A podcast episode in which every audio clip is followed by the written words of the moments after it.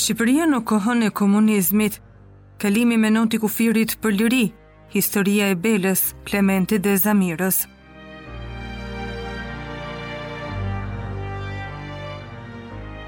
Fati i një familje dhe arratisja e tyre nga Shqipëria diktatoriale që mbushi faqet e para të gazetave të kohës në vendet perëndimore, nga Arben Imeri.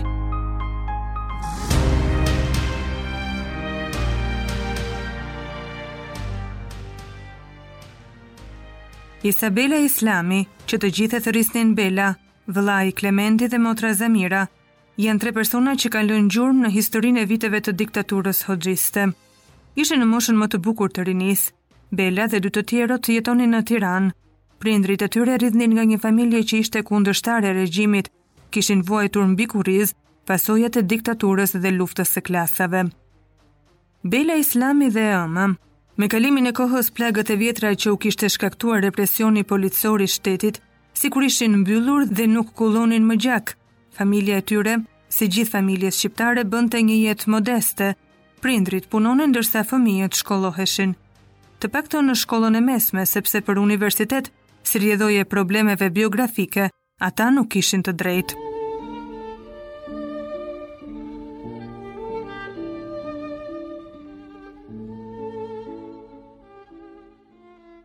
Historia e tyre nis nga i vëllai, Klementi. Në vitin 1975, ai ishte 19 vjeç dhe ndiqte studimet e maturës në gjimnazin Petro Nini Luarasi të Tiranës. Një ditë prilli ndër shokë, atij i erdhi në mendje ideja e gabuar për të bërë një batutë kundër regjimit. Në atë gjimnaz studionin gati të gjithë bijtë dhe bijat e udhëheqjes së lartë, partiake dhe shtetërore, ose siç quheshin në gjuhën e përditshme, bijtë e bllokut. Për vigjilencën revolucionare, siç quhej në atë kohë, survejimi i të gjithëve, kundër të gjithëve, ishte e natyrshme që tipat si Klementi të mbaheshin nën vëzhgim të vazhdueshëm. Lëre pastaj nëse guxonin të shprehnin ndonjë pakënaqësi për sistemin politik në fuqi.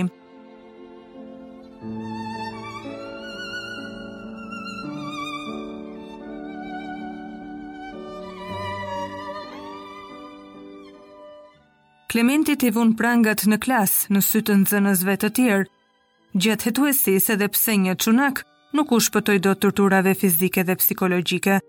Megjithatë, gjykatësit ndoshta duke parë moshën e tij patën mëshirë ose ishin të vetëdijshëm se po dënonin një të pafajshëm, nuk e dërguan në kampin minierë të Spaçit në veri të Shqipërisë, të cilin, nëse Dante do ta kishte parë, do ta kishte quajtur vendi i ferrit. Djaloshi pati fat, e mbyllën për tri vite në Spitalin Psikiatrik të Elbasanit. Spitali Psikiatrik i Elbasanit ishte vendi ku pacientët torturoheshin në mënyra shkencore, mbi trupin e tyre eksperimentoheshin lloj-lloj dozash të ilaçeve qetësuese, pa harruar terapinë me rrymë elektrike apo siç quhej rëndom elektroshok.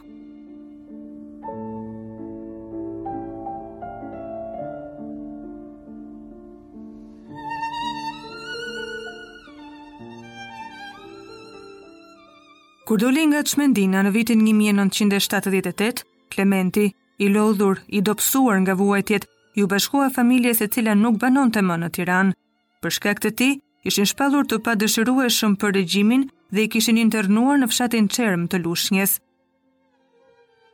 Çerma ishte një lloj gulagu, si ato të kohës së Stalinit në Bashkimin Sovjetik, ku regjimi izolonte kundërshtarët apo njerëzit që i krijonin probleme politike dhe shoqërore.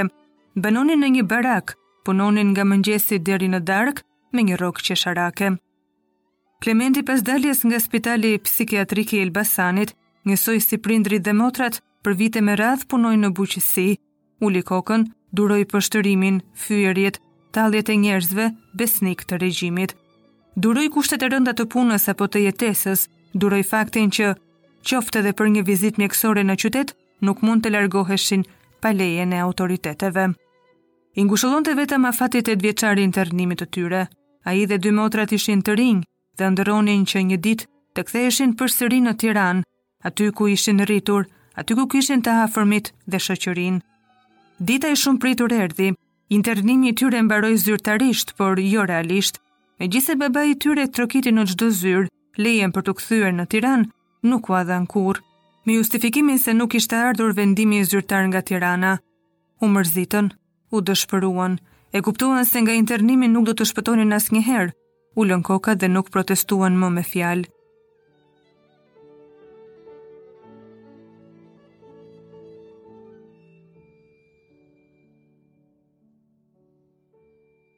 Më shumë se një vit, u përpoq Klementi t'u mbushte mendjen dy motrave që të arratiseshin nga Shqipëria. Në fillim Belës dhe Zamirës, iu duk çmenduri një propozim i tillë, Ku të iknin, si të iknin, me çfarë? Ishte e pamundur të arratiseshe nga Shqipëria, ndaj duhej t'i dorëzoheshin fatit. Por Klementi ngulmonte se lirinë dhe fatin e tyre e kishin vetë në dorë.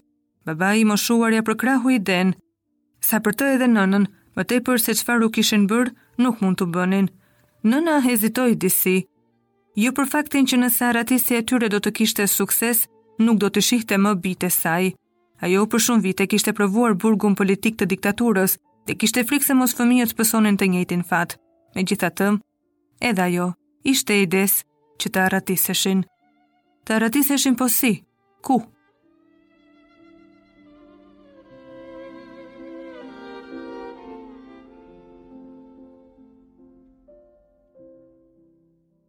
Nga Shqipëria mund të arratiseshe nga toka apo deti, Nga toka ishte shumë e vështirë, përpara se të mbërrije në zonat kufitare, do të duhej të kaloje nëpër disa postblloqe, ku duhej të tregoje letërnjoftimin. Në postblloqet e tjera, të cilat ishin rreth 20 km larg kufirit dhe konsideroheshin si zonë e ndaluar, duhej të tregoje një leje kalimi të cilën, me shumë vështirësi, i jepnin vetëm në drejtorinë e policisë dhe vetëm për njerëz të besuar. Nëse kalohej kjo pengesë, personi që donte të arratisej duhej të kalonte me sukses dhe kuriozitetin e fshatarëve të zonës kundrejt personave të panjohur. Ata sapo shihnin një fytyrë të re, i kërkonin lejen e kalimit dhe bëheshin gati të njoftonin rojet e kufirit. Të kaloje kufirin nuk bëhej fjalë, ishte shumë e vështirë. Natën ishte pak më e lehtë, veçse duhej të njihje mirë terrenin dhe të orientoheshe midis maleve të shumta. që rrethojnë Shqipërinë. Një pengesë e madhe ishte edhe kloni. Kështu quhej një brez prej telash të dendur me gjemba, 3 metra i lartë.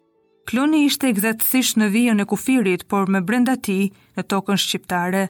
Ngjitur me klonin, paralel me të, ndodhej i ashtuquajturi brezi i butë, që ishte një rip toke. Brezi ishte 4 metra i gjerë dhe punohej dhe shkrifej me lopatë, me qëllim që mbi të të ngeleshin gjurmët e atyre që mundoheshin të kalonin kufirin. Ndaj quhej brezi i butë. Posta kufitare shqiptare ishte midis klonit dhe vijës kufitare, kur dikush tentonte të arratisej, do të duhej të distanconte telat. Nëse dy telat preknin njëri-tjetrin, krijohej një qark elektrik, një zile binte në vendqëndrimin ushtarak më të afërt, Menjëherë ushtarët me armë dhe elektrik dore bllokonin kufirin dhe vraponin në zonën prej nga vinte zilja. Në të tilla raste vetëm shiu, mjegulla apo terreni i thyer mund ta ndihmonte pa u kapur personin që arratisej. Do të ikim nga deti, u përgjigjet Klementi dy motrave. Të tre notojmë shumë mirë. Ju kujtohet kur ishim të vegjël dhe bënim not në plazhin e Durrësit? Për t'u arratisur zgjodhën qytetin jugor Sarandën. Nga hartat gjeografike të shkollës e dinin se ishulli grek i Korfuzit nuk ishte më larg se 10 kilometra. Ndoshta do të zbrisnin në jug, drejt fshatit Ksamil. Distanca zvogëlohej derisa të arritnin 2 apo 3 kilometra. Eh, po kush të lejonte ata të zbrisnin deri në Ksamil? Aty ishin afër zonës kufitare, por të paktën, deri në një pikë ku largësia mund të jetë 5 kilometra, mund të afroheshin. Dritat e Korfuzit dukeshin shumë afër. Po të bënin pak stërvitje me besimin tek vetja dhe kurajë, patjetër që do t'ia dilnin të fitonin lirinë e tyre. Mendjen e kishin të lirë, por trupin të burgosur. Motrat nuk kishin rrugë tjetër përveçse bindjes. Zgjodhën muajin gusht për t'u arratisur. Jo vetëm sepse gjatë verës në Sarandë kishte shumë pushues, por sepse në atë muaj do të zhvilloheshin lojrat olimpike në Los Angeles. Menduan se duke qenë atmosferë sportive, edhe në televizion, vëmendja e policisë apo ushtarakëve do të ishte më pak e rreptë.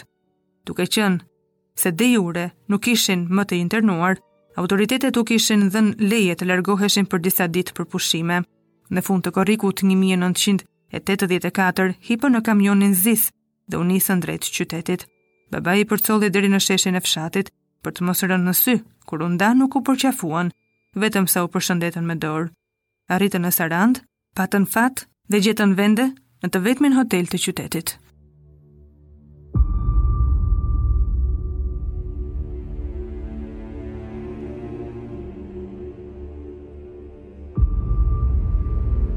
Shqipëria në kohën e komunizmit.